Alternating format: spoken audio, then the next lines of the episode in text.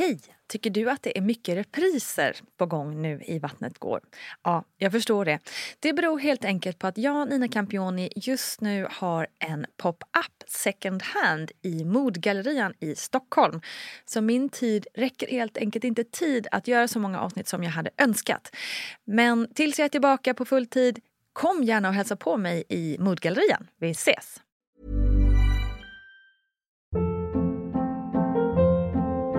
Hold up. What was that? Boring. No flavor. That was as bad as those leftovers you ate all week. Kiki Palmer here, and it's time to say hello to something fresh and guilt-free. Hello Fresh. Jazz up dinner with pecan-crusted chicken or garlic butter shrimp scampi. Now that's music to my mouth. Hello Fresh. Let's get this dinner party started. Discover all the delicious possibilities at hellofresh.com.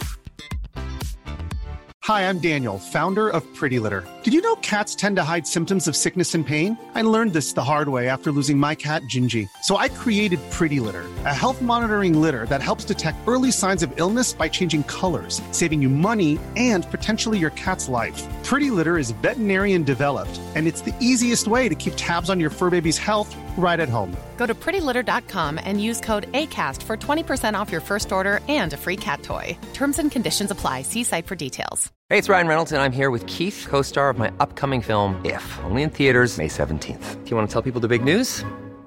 All right, I'll do it. Sign up now and you'll get unlimited for $15 a month in six months of Paramount Plus Essential Plan on us. Mintmobile.com slash switch. Upfront payment of $45 equivalent to $15 per month. Unlimited over 40 gigabytes per month. Face lower speeds. Videos at 480p. Active Mint customers by 531.24 get six months of Paramount Plus Essential Plan. Auto renews after six months. Offer ends May 31st, 2024. Separate Paramount Plus registration required. Terms and conditions apply if rated PG. Quality sleep is essential. That's why the Sleep Number Smart Bed is designed for your ever evolving sleep needs. Need a bed that's firmer or softer on either side? Helps you sleep at a comfortable temperature? Sleep Number Smart Beds let you individualize your comfort so you sleep better together. JD Power ranks Sleep Number number 1 in customer satisfaction with mattresses purchased in-store. And now, save 50% on the Sleep Number limited edition Smart Bed for a limited time. For JD Power 2023 award information, visit jdpower.com/awards. Only at a Sleep Number store or sleepnumber.com. Och jag sa de, nu får du ge dig Emily. Vi måste Ja. plocka ut det. Jag bara, nej jag ska föda vaginalt. Ehm, och sen så slutade det med ett akut snitt. Okej. Ehm, det också. God dagens kära lyssnare. Jag hoppas att du mår riktigt fint. Välkommen ska du vara till podden Vattnet går med mig Nina Campioni. Graviditet, förlossningar och allt sånt står på schemat och denna vecka ska vi snacka extra mycket om kejsarsnitt. Men innan dess vill jag också passa på att slå ett slag för mammagruppen på Facebook där vi är ett bra gäng föräldrar eller blivande sådana som hjälps åt kring lite allt möjligt. Det kan vara allt från förlossningstips till vad 17 man gör med en ettåring som vägrar sova. Ja, det är en supergrupp helt enkelt. Kom och joina oss där tycker jag. Men nu över till veckans gäst som är influencer och vloggaren Emily Walles. Som när det här poddavsnittet släpps precis är i färd med att förbereda sig för sin fjärde förlossning. Och nu blir det kejsarsnittssnack. Det blir urakut, det blir akut och det blir planerat. Allt får plats i detta inspirerande avsnitt. Med oss har vi också som vanligt barnmorskan Gudrun Abascal. Men nu välkomnar jag Emily Walles.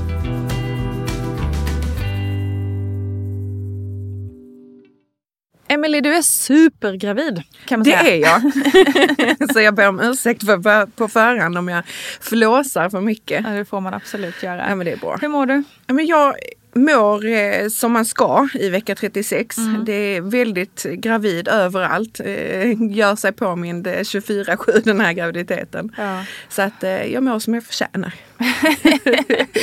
Förtjänar, då tänker jag ändå att du ska må som en riktig eh, drottning. Men Mm. eh, det kommer förhoppningsvis. Det gör det. 100%. Men du har ju, du vet att det blir snitt. mm, det vet jag. Ja, hur känns det? Eh, detta snittet så känner jag att nej, men nu ska jag äga min förlossning. Jag har ju ett urakut, ett akut ett planerat och nu ett sista planerat snitt i, eh, i bagaget. Du Eh, är, vad ska man säga, en erfaren snittare kan Ja, jag men säga. det är jag. eh, var inte alls planerat så men det har blivit så. Eh, så att jag känner att denna gången så ska jag gå in med liksom mod, jag ska äga min förlossning, jag ska liksom verkligen ta till mig och leva i, i den, in the moment och känna att nu ska jag föda barn. Det har ju inte alltid varit så utan snittförlossningar eh, för mig har varit ganska obehagligt. Okej. Eh, så att, eh, men nu ska det bli förändring på det. Mm. Har du gjort något särskilt för att komma till den insikten eller har du mest jobbat liksom själv, mm, liksom, egen terapi? Så? Ja men precis, mycket egenterapi, 100%. Men jag har också involverat både min barnmorska, sjukvården. För man har ju rätt så mycket rättigheter. Eh, och jag har varit på planeringsmöten med både narkosläkare och läkare. Mycket planering med min barnmorska och pratat just kring hur jag vill att den ska upplevas. För att man pratar mycket om att skriva förlossningsbrev och så vidare. Men det gör man oftast inte inför ett snitt. Men jag tänkte ju att ja, men, det här är lika mycket förlossning som någonting annat och nu är det min lott här i livet att jag, jag får föda med snitt. Och då, jag vill också ta del av hela den här proceduren att liksom, nu ska vi föda barn och sådär. Så att, eh, jag har gjort ett förlossningsbrev fast med då snittinriktning. Mm, och eh, jättebra. haft ett möte då med läkaren och narkosen och hur, hur allting ska gå till. Mm. Hur tycker du att de har bemött dig i det, det tankesättet så att säga? Eh, nu sista gången har varit fantastiskt bra. Mm. Eh, förra året, jag på säga, nu är det nytt år, så förra året igen gjorde jag mitt tredje snitt. Mm. Eh, och då eh, upplevde jag att man kanske inte tog till sig lika mycket av mina önskemål och hur jag upplevde det och så vidare. Mm. Men denna gången har jag varit också väldigt tydlig med vad jag vill och vad jag kan kräva och, och så vidare. Mm. Och då har det faktiskt blivit fantastiskt bra. Härligt, det är tur att, att det går att förändra. Ja. Vi börjar från början tänker jag, lite mer. det är spännande att få lite nutidsupplysning eh, också. Hur gick dina tankar liksom, innan du blev mamma så att säga? Vad hade du för tankar om familjelivet och när du skulle bli förälder och sådär? Det har alltid varit något gigantiskt för mig. Eh, alltid drömt om att ha en stor familj. Jag är ensambarn på min mammas sida där jag är uppvuxen. Eh, var alltid avundsjuk på alla kompisar som satt många kring köksbordet och åt. Och alltid drömt om att ha en stor familj med många, många, många barn. Eh, så för snart 17 år sedan då, vilket är helt galet, så blev jag ju gravid Wow. Mm. med min son Dexter. Eh, och eh, fantastiskt roligt. Planerade liksom en förlossning, skulle inte ha någon smärtlindring, hade helst fött hemma. Eh, liksom komma i ett med mig själv och bara gå in i kroppen och föda. Blev inte alls så. Utan jag åkte in, hade galna verkar och låg och skrek. Eh, och sen efter 13 timmar så slutade i total kaos, trauma, eh, hjärtljudet gick ner och på bara ett par sekunder som jag vet i, i verkligheten är ett par minuter så är jag sövd och Okej. de plockar ut Dexter. Vad var det som hände då? Eh, men hjärtljuden gick ner eh, och jag var också väldigt utmattad. Just så det. jag var öppen 10 centimeter och var i krystfasen men eh, helt plötsligt så bara försvann hans hjärtljud och då agerade de. Och jag är ju jättetacksam för sjukvården. Men det blev ju väldigt traumatiskt för att jag eh, var ju helt förberedd på att jag skulle föda vaginalt och det här var ju inte alls, jag hade inte ens läst på någonting om snitt. Eh, och hade ingen aning om ens att det kunde liksom nästan ske. Även om, om man vet det så känner man att ja, men det händer inte mig för jag har ju planerat det här och skrivit Mm, mitt ja, brev. Och nu ska det gå till så här. Ja. Jag ska bada och tända ljus och lyssna på musik. Mm. Eh, så att, eh, sen vaknade jag upp där på uppvaket. Ingen visste någonting, jag visste ingenting. Vaknade upp själv, eh, fruktansvärt. Mm. I efterhand så vet jag om att han eh, vårdades ju på neonatalavdelningen Mm. och, och jag på uppvaket så att säga. Och inte så konstigt att vi blev separerade för han hade ingen möjlighet att komma upp till mig i och med att han var så dålig. Det. Men det var ju ingen bra förstagångsupplevelse. Det där är, är ju lite, jag blir lika förvånad varje gång för jag förstår inte riktigt eh, hur svårt det kan vara att ge, alltså som du, säger, jag fattar ingenting, jag vet inte vad det var. Alltså det är många som har upplevt det och berättat samma känsla, att man inte får någon information eller man är ensam. Och, man, du vet. och där, är, jag förstår inte riktigt, hur var, hur var det liksom? Vad, vad tyckte du att du fick för input från personalen där? Tyckte- Just den förlossningen var inte alls bra. Nej. För jag, som du sa så vaknade jag upp och jag, jag förstod ingenting. Eh, och kände liksom att det hade ju varit det första jag ville veta för jag, någonstans med mig själv så fattar jag att någonting är akut för alla börjar springa. Och helt plötsligt så bara sövs jag. Eh, så när jag vaknar upp så vill jag ju liksom, okej har min son överlevt? Vad har Precis. hänt? Vad, vad, vad skedde? Eh, utan istället så kommer någon in och säger liksom, ja men vi, vi får gå och ta reda på vad som har hänt. Och då i min vildaste fantasi, då tänker ju jag, okej men nu ska de hämta någon läkare som ska komma med något besked att någon eh, sköterska kanske inte fick lov att berätta det och så vidare. Och ehm, Sen så kommer då en anhörig upp till mig som var med på förlossningen och utan Dexter då så tänkte jag nej nu är det här fruktansvärt. Så jag börjar ju få panik och liksom bara säg, berätta för mig och så vidare. Men sen så eh, visade sig då att han lever och vårdades och läget var något sånär stabilt då så att säga. Men eh, man Ja, för det är just det där som jag tycker är konstigt. Att man liksom, det finns ju journaler och system för allt. Att, nu- jag vill inte gå in och kritisera hela sjukvården eller enskilda personer eller någonting. Men eh, det borde väl inte vara så svårt tänker jag. Säga, Okej, här ligger Erika. Nu kollar vi på hennes när hon vaknar. Det, här har, det här har hänt. Precis, och sen går vi till Och- henne. Ja, precis. Jag förstår inte riktigt. Vad, för det blir ju ett fruktansvärt trauma som du säger. Att behöva spela upp olika scenarier i sitt huvud och inte ha någon aning. Man gör ju det när det blir ett urakut för då sövs man. Eh, jag har ju gjort ett akutsnitt också. eh, och där är man ju ändå med eh, och, och är med i hela processen och liksom känner att man ändå har något sån här kontroll. Precis. Jag kan ju förstå att när man ett urakut snitt, vi måste söva henne, liksom, Ja, ja. där finns ingen tid att Nej. spilla. Liksom. Men när du vaknar så tycker man ju att då har det ändå gått några timmar och, och det borde finnas något liksom, system som säger att din son lever och ligger på neo. Alltså, Ja men precis, liksom de här basala sakerna borde man kunna få veta, Precis. tycker man. det tycker man. Ja, Men slutet är gott, allting precis. gott. Du fick Eh, ändå veta vad som hade hänt. Och, Ja. och vad gick det sen då? Vi låg kvar i Mm. en vecka eh, och eh, det var mycket upp och ner eh, med känslor och allting. För det, Mm. det pendlar ju ganska mycket. Från ena sekunden kan det vara väldigt bra till att det kan vara väldigt dåligt med ens lilla bebis. Mm. Eh, och, ehm, det var tufft. Jag var inte så gammal då heller. Jag var 21 år bara. Mm. Eh, så att, och första barnet. Och jag fick ligga uppe på BB-avdelningen och min son är nere på neo så att Mm. säga. Så bara den separationen var också jobbig för han låg i akutrummet. Men väl så nödvändig så det är ju inte eh, man hade inte velat göra om på det Nej, heller men nej. det är klart att det var en väldigt annorlunda upplevelse Mm. eh, och eh, en förlossning som inte alls gick som man hade tänkt sig. Nej, hur var dina liksom... Nu förstår man ju att liksom ens barn är prio ett på att hen ska må bra och så. Men i och med att du hade den här bilden av, du var till och med inne på hemmaförlossning och liksom så till att det blir ett akut, alltså hur, hur gick dina tankar efteråt? När du kanske hade landat i allt det andra så att säga. Tyvärr så landade ju det i att jag kände mig totalt misslyckad. Eh, kände mig misslyckad som kvinna. För jag menar, alla kvinnor ska ju kunna bli gravida och alla kvinnor ska ju kunna föda barn. Eh, men det är ju så långt ifrån sanningen som man bara kan komma. Så jag kände ju någonstans liksom att Nej, det här blev inte alls bra. Eh, Jag blev bemött också ganska så här, ja men jaha, det slutade i snitt. Ja okej, men då har du inte du fött barn. Bara, Fast ja men det har jag. Eh, och ehm, ja men eh, nej, det, det, det var ingenting som var direkt bra alls. Hur tog du det då? Liksom hur, hur mådde du efter den här tiden efteråt? Eh, jag mådde ganska dåligt men jag fick fin hjälp av läkarna efteråt för att alla var ju ganska medvetna om att det var väldigt traumatiskt. Så läkarna kom ju till mig och pratade och gick igenom hela förloppet sedan två dagar senare så att jag faktiskt fick kontroll på vad, vad hände faktiskt.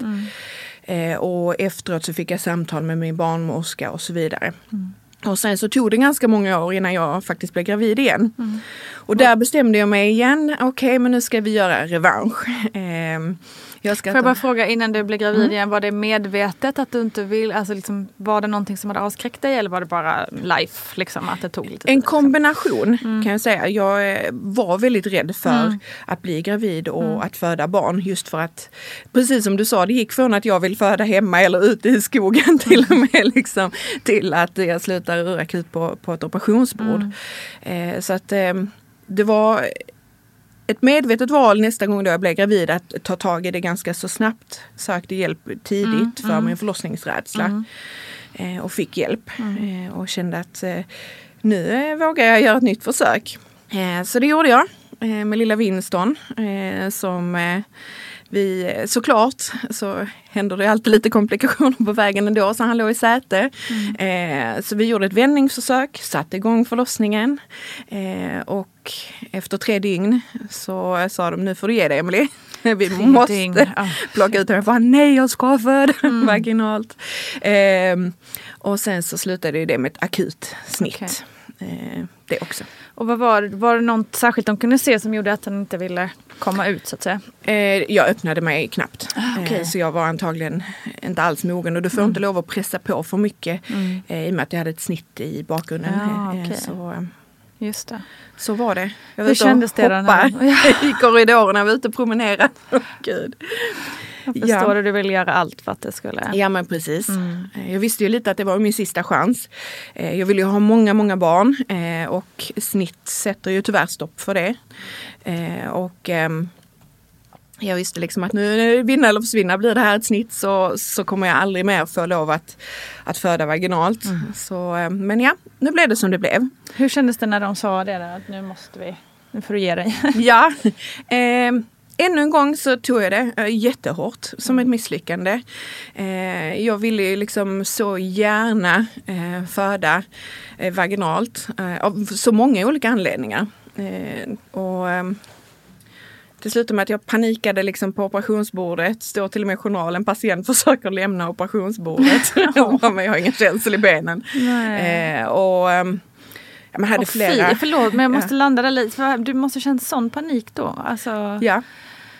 Stackars dig känner jag. Ja, det var fruktansvärt. Jag eh, hade otaliga panikångestattacker och liksom tänkte bara nej, inte en gång till. Jag vill inte det här. Eh, men samtidigt så ännu en gång så är man ju väldigt tacksam också för att, att vi har den mm. eh, sjukvården som vi har i Sverige. Mm. Men sen är det också ett ska man säga, ett argument som många vill att man ska luta sig mot och inte sedan känna mina andra känslor. Att ja, men det gick ju trots allt bra. Du och din bebis överlevde. Ja, och det är, ju, det är ju grunden i allting.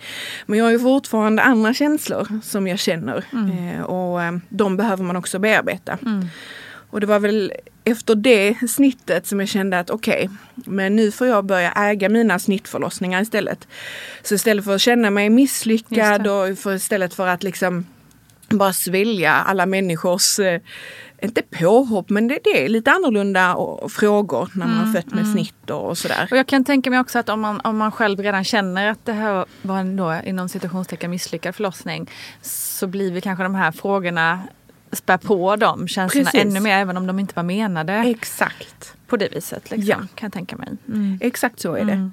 Eh, och man tar ju illa vid sig för de här vanliga frågorna, bara hur kändes det att få upp honom på bröstet? Ja, men det är så de bara, utan det är alltid, aha det blir snitt, varför det? Eh, ja, vad hände? Det, det. Bara, ja, men, nej, men vi går väl in och pratar om det medicinska då. men jag har precis ja, upplevt världens största mm. magiska ögonblick. Liksom. Mm. Eh, så att, Ja, där landade jag då med okej, okay, men då, då är jag ämnad för att göra snittförlossningar eh, och jag får liksom gilla situationen. Mm. Eh, och där började väl egentligen resan och anledningen till att jag sitter här idag, att jag mm. pratar mycket om snitt.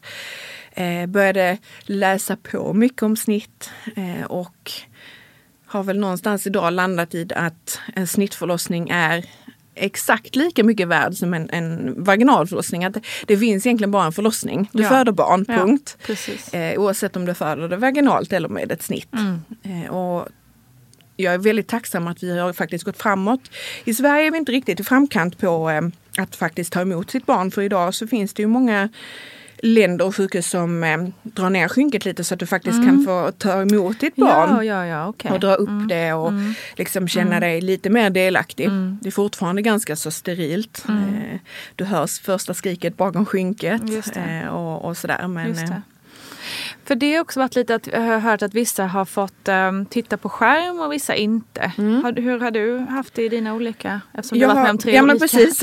Jag har aldrig fått se det på en skärm. Däremot så är skärmen sedan där bebisen äh, går till rummet med mm. barnmorskan och pappan mm. eller den anhöriga. Eh, där är en liten skärm så du kan se din bebis hela tiden eh, innan den kommer till dig. Mm. Och det är väl jättemysigt så att du får följa med där. Men där handlar det väl lite också om Eh, någonting som var viktigt för mig i hela den här proceduren, det var ju liksom lite att acceptera, okej okay, men nu får vi göra det bästa av situationen och läsa på om alla moment och sådär. Att från början kanske man tyckte det var fruktansvärt att vi var separerade, att pappan och barnet var i ett annat rum och jag mm. ligger här själv och jag har mm. precis fött barn. Mm. Men istället så har man fått jobba mycket med sig själv att nej men nu är det så här denna förlossningen går till och, och accepterar och följer med på skärmen och tittar och pratar och, och liksom känner att ja, men jag vågar ta plats i det här operationsrummet. Jag mm. och mitt barn är i centrum. Mm. Alla är här för att hjälpa mig. Mm. Eh, och idag så pratar jag liksom mycket och bara ja men vad gör ni nu, vad händer nu? Och, ja, men du vet, så, här, så man mm. ändå känner att nej, men jag är delaktig. Det är fantastiskt att du kommit till den. Jag tänker att det är både, har säkert både med ålder och med liksom erfarenhet att göra att man, att man vågar ta den platsen. Um, men så viktigt som du säger att man, att man vågar äga det och liksom acceptera det och, och inse att det är precis, en precis lika viktig förlossning som alla ja, andra. Precis.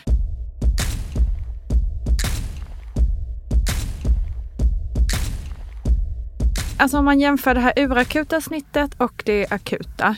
Vad, ehm, vad var de största skillnaderna mellan dem tycker du? Gigantiska skillnader egentligen. Mm. Eh, det urakuta, då har du ingen kontroll överhuvudtaget. Mm. Det liksom skedde på bara ett par sekunder det här beslutet. Mm. Medan det akuta så han vi ändå gå igenom och säga okej okay, men nu, nu är det dags för ett akut snitt. Mm.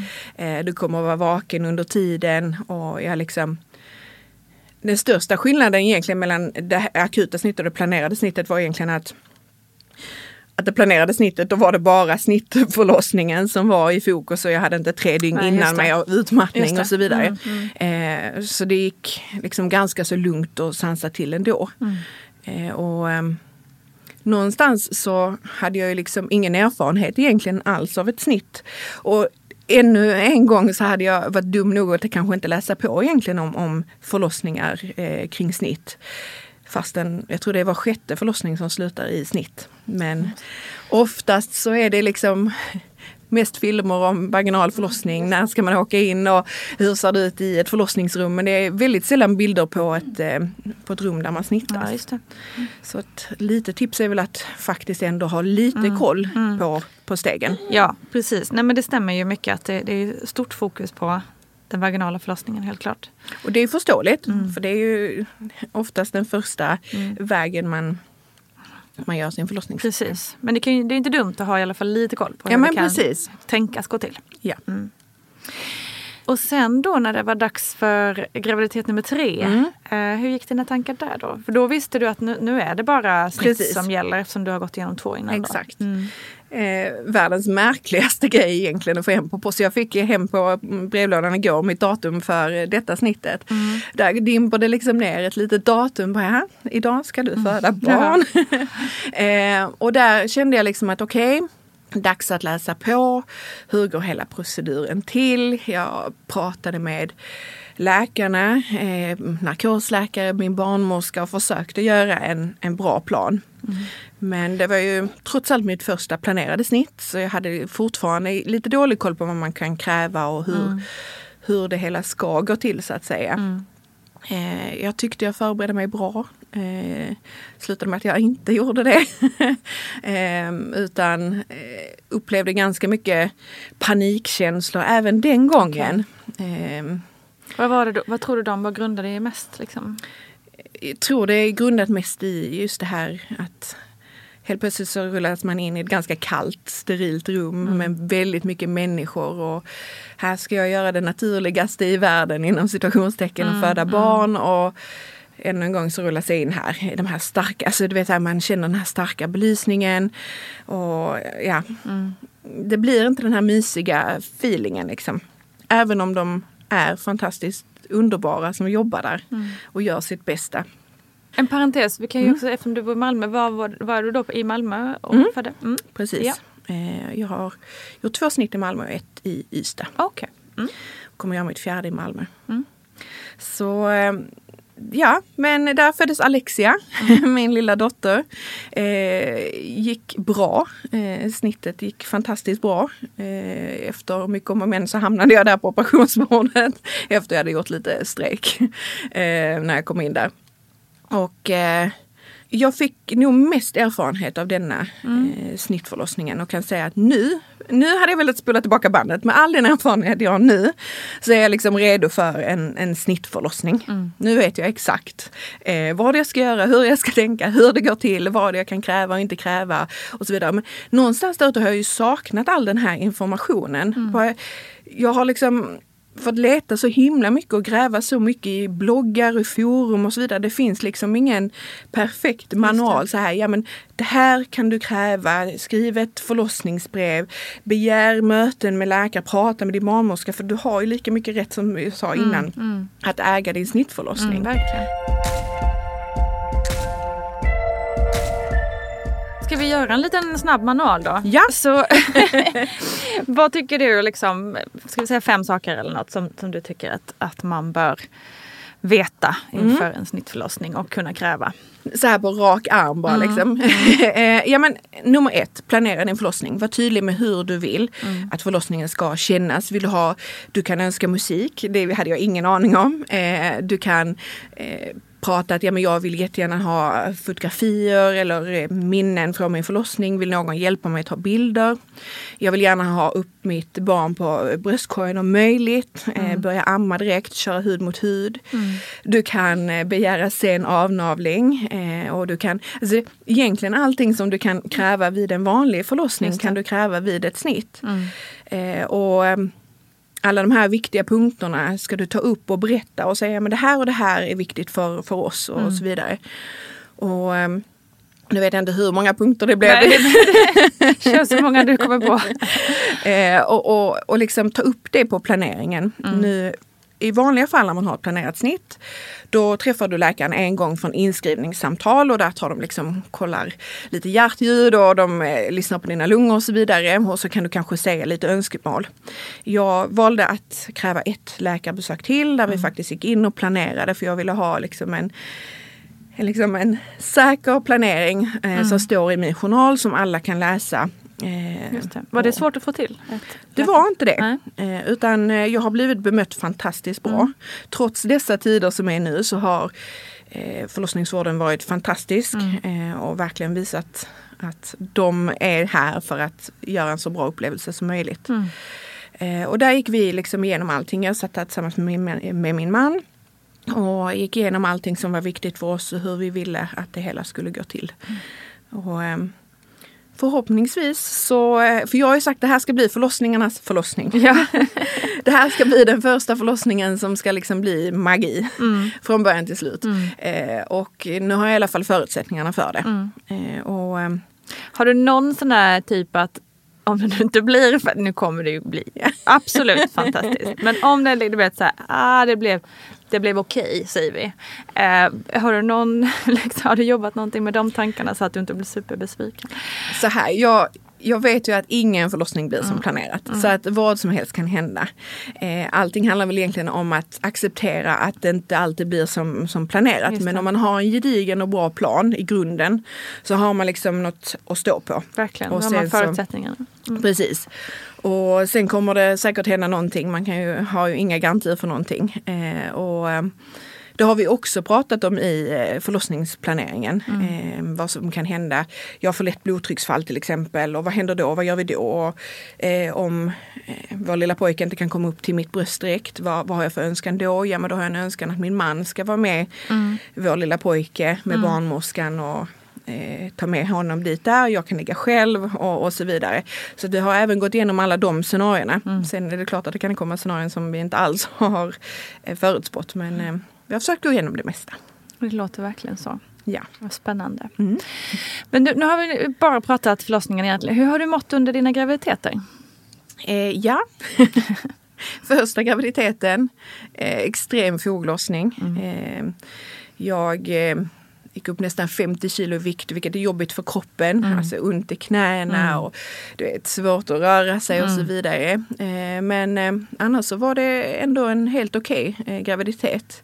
Likadant andra. Mycket foglossning. Eh, sen kom min tredje graviditet med en flicka. Och herregud, jag trodde jag hade vinterkräksjuka gånger hundra i, alltså jag vet inte hur många veckor. Det var så hemskt. Jag låg och grät på badrumsgolvet. Jag tänkte mitt liv är över. Usch. Och jag har kräkfobi till på köpet. Liksom. Så, nej, det var hemskt.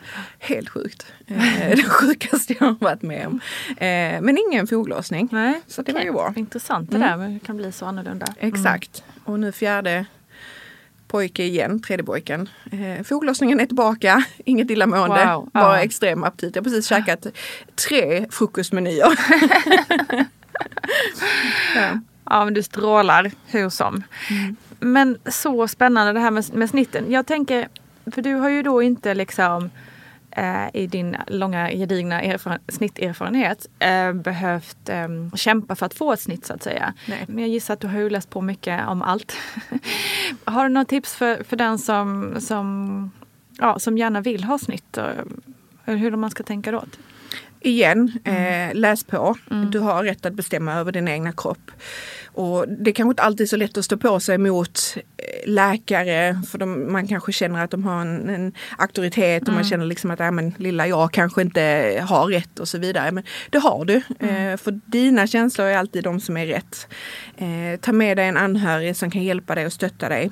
Och än en gång så finns det många bra konton till och med på Instagram där du kan följa och få tips mm. med argument som du kan säga. Eh, och mitt bästa tips är verkligen att stå på dig. Mm. Äg din egen kropp och eh, ta plats. Våga ta plats. Mm.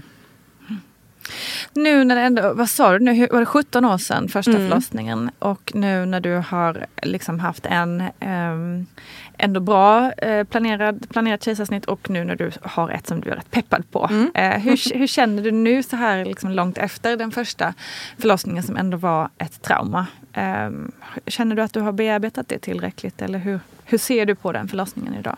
Men det har jag. Eh, den har gett mig erfarenhet och en väldigt ödmjuk känsla inför förlossningar och inför alla kvinnor jag möter som faktiskt föder barn. Att mm. Det kan vara magiskt men det kan också vara trauma. Eh, tiden efter är inte alltid eh, att ligga hud mot hud och, och amma i ett babyrum och tycka att allting är fantastiskt. Mm. Utan vi är många kvinnor och män där ute som kämpar med att saker och ting inte alltid blev som det blev. Mm. Eh, och nu när allting slutade gott så är jag ändå glad att jag har den erfarenheten. Eh, för man, jag rättare sagt var väldigt naiv när jag skulle föda mitt första barn och tänkte liksom att allting skulle gå så himla perfekt. Inte ensam om det kan jag säga. Nej, så, så för, för den sakens skull så har jag bearbetat det och tycker faktiskt att det har gjort mig till en bättre människa idag.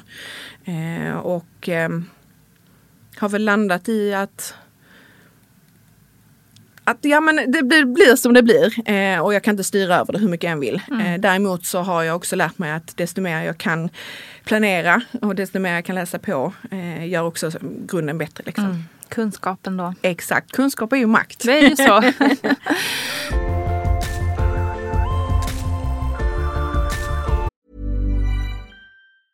A lot can happen in the next three years. Like a chatbot may be your new best friend.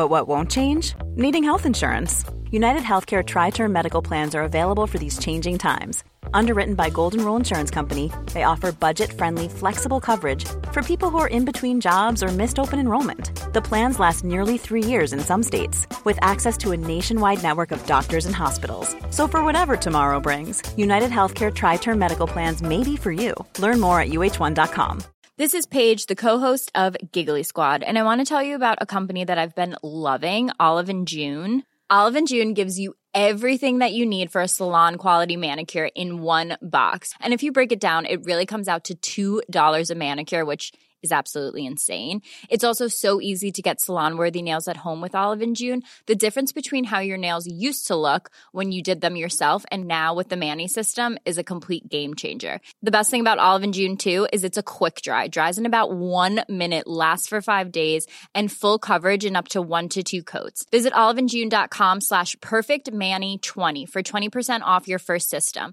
That's oliveandjune.com slash perfect Manny 20 for 20% off your first system system.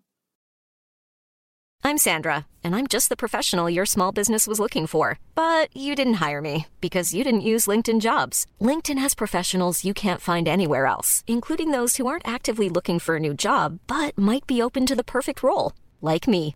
In a given month, over 70% of LinkedIn users don't visit other leading job sites. So if you're not looking on LinkedIn, you'll miss out on great candidates like Sandra. Start hiring professionals like a professional. Post your free job on linkedin.com/people slash people today. Hey, it's Ryan Reynolds, and I'm here with Keith, co star of my upcoming film, If, only in theaters, May 17th. Do you want to tell people the big news?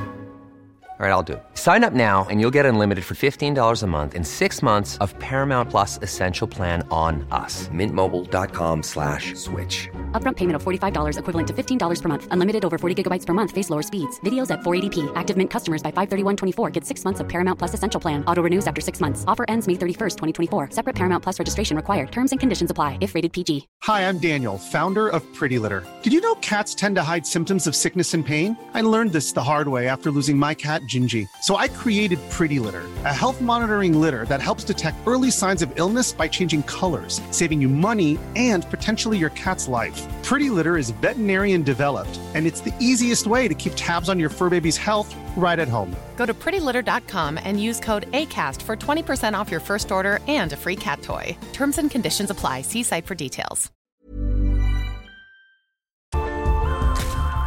Du, eh, jag tänker på den här lilla tjejen Emily som eh, ville ha ett matbord, fu- matbord full med, med barn och, Mm. och så. Stor familj. Nu blir det fyra. Är, det, är du nöjd då? Eh, nej, det är jag inte. Eh, däremot så är ju min eh, medicinska bedömning av min kropp eh, det som kommer få avgöra. Ja. Eh, det rekommenderas ju bara tre kejsarsnitt i, i Sverige. Just det, det är Mm. också en parameter som man måste tänka Precis. in. Mm. Eh, och någonting man också måste överväga när man väljer att göra snitt och så vidare.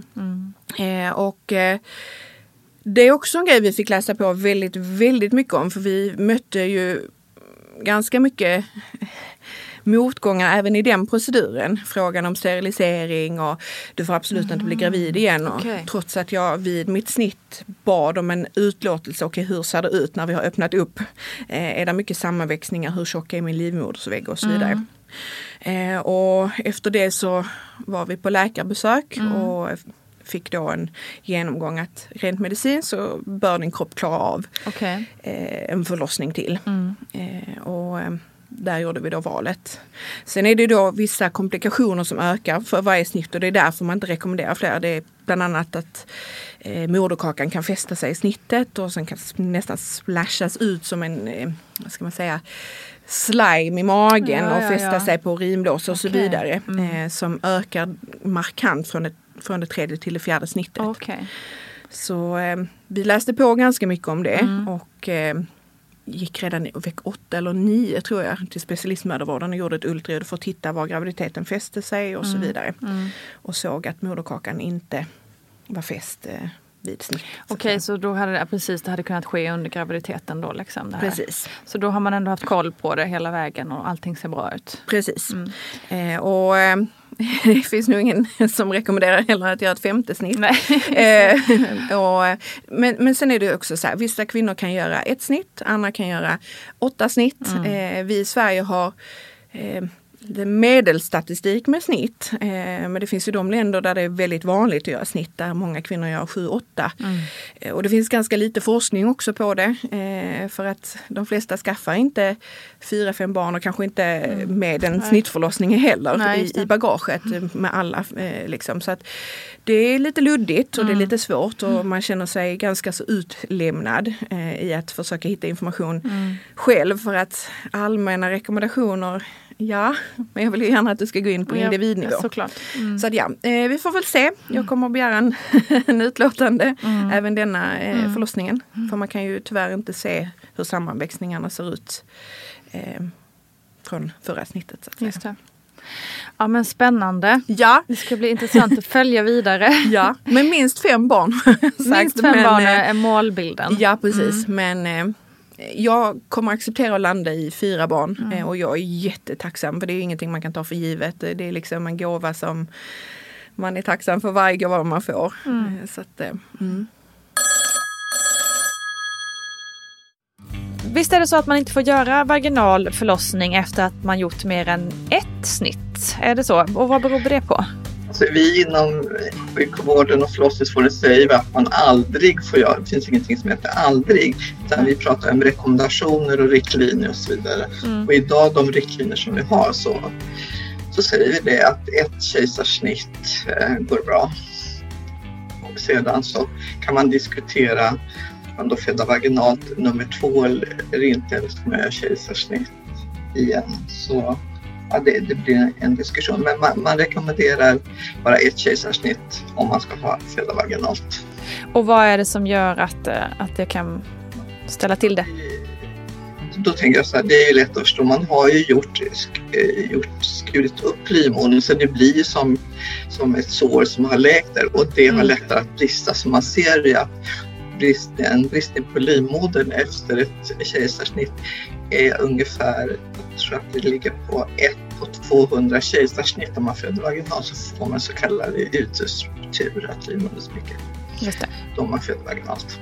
Och eh, Emily fick höra här att eh, i och med att hon hade snittats tidigare så borde hon inte pusha på för hårt liksom när det var dags för en vaginal förlossning.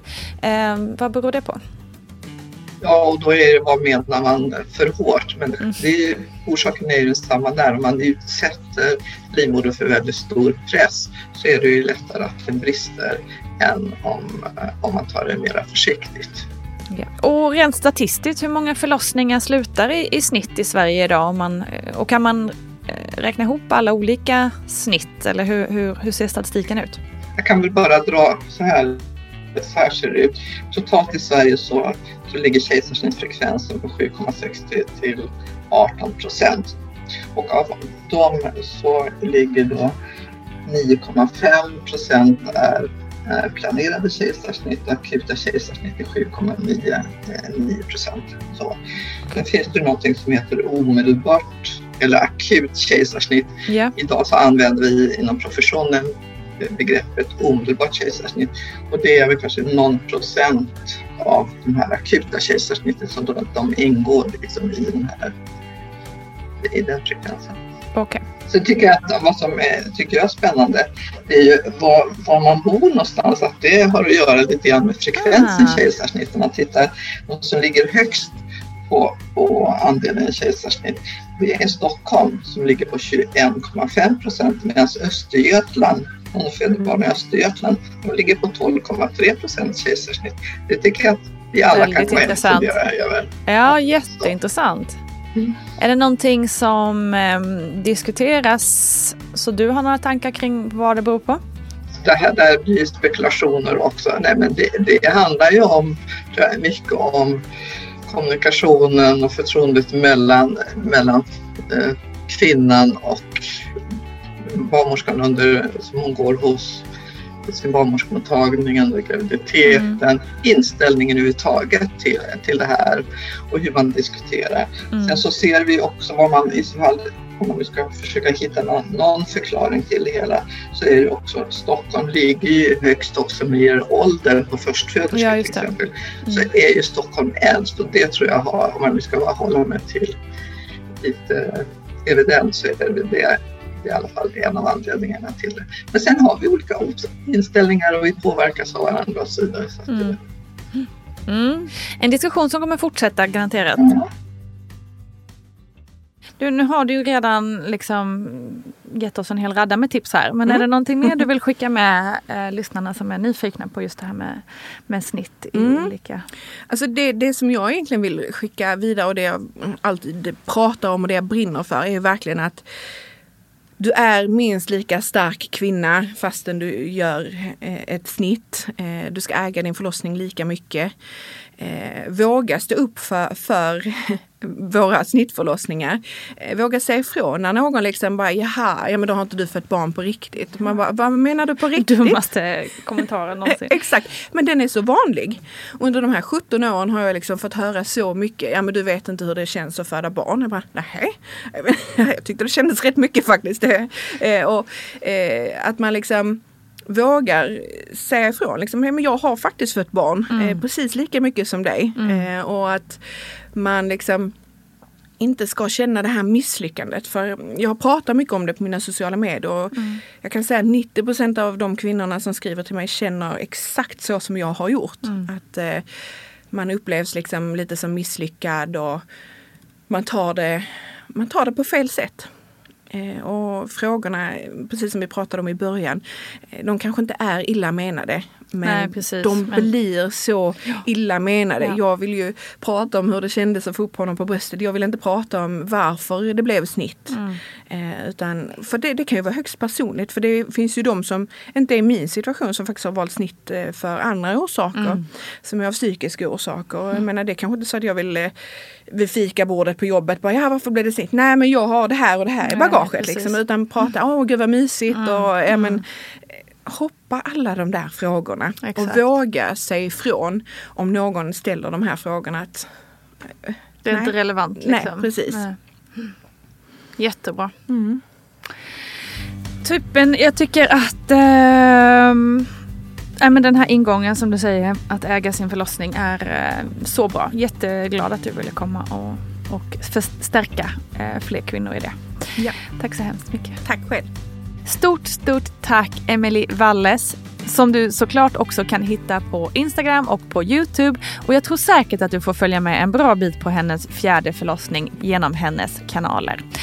Så stort lycka till nu Emily. Heja heja! Fjärde förlossningen, here we go! Och äg din förlossning som sagt. Bra att ta med sig för alla, tänker jag.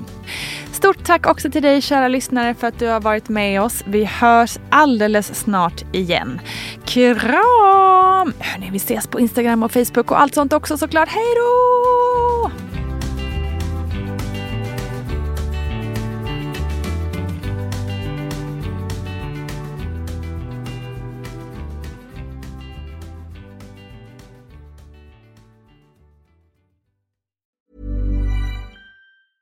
Hi, I'm Daniel, founder of Pretty Litter. Did you know cats tend to hide symptoms of sickness and pain? I learned this the hard way after losing my cat, Gingy. So I created Pretty Litter, a health monitoring litter that helps detect early signs of illness by changing colors, saving you money and potentially your cat's life. Pretty Litter is veterinarian developed, and it's the easiest way to keep tabs on your fur baby's health right at home. Go to prettylitter.com and use code ACAST for 20% off your first order and a free cat toy. Terms and conditions apply. See site for details. Ever catch yourself eating the same flavorless dinner three days in a row?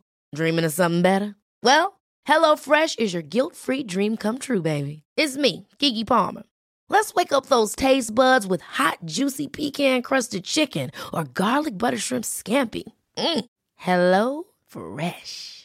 Stop dreaming of all the delicious possibilities and dig in at HelloFresh.com. Let's get this dinner party started.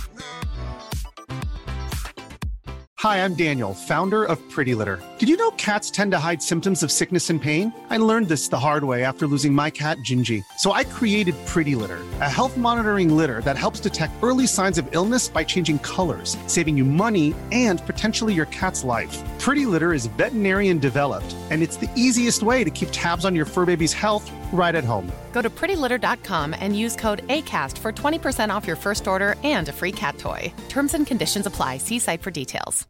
Hey, it's Paige DeSorbo from Giggly Squad. High quality fashion without the price tag. Say hello to Quince. I'm snagging high-end essentials like cozy cashmere sweaters, sleek leather jackets, fine jewelry, and so much more. With Quince being 50 to 80% less than similar brands. And they partner with factories that prioritize safe, ethical, and responsible manufacturing. I love that. Luxury quality within reach. Go to quince.com slash style to get free shipping and 365 day returns on your next order. Quince.com slash style.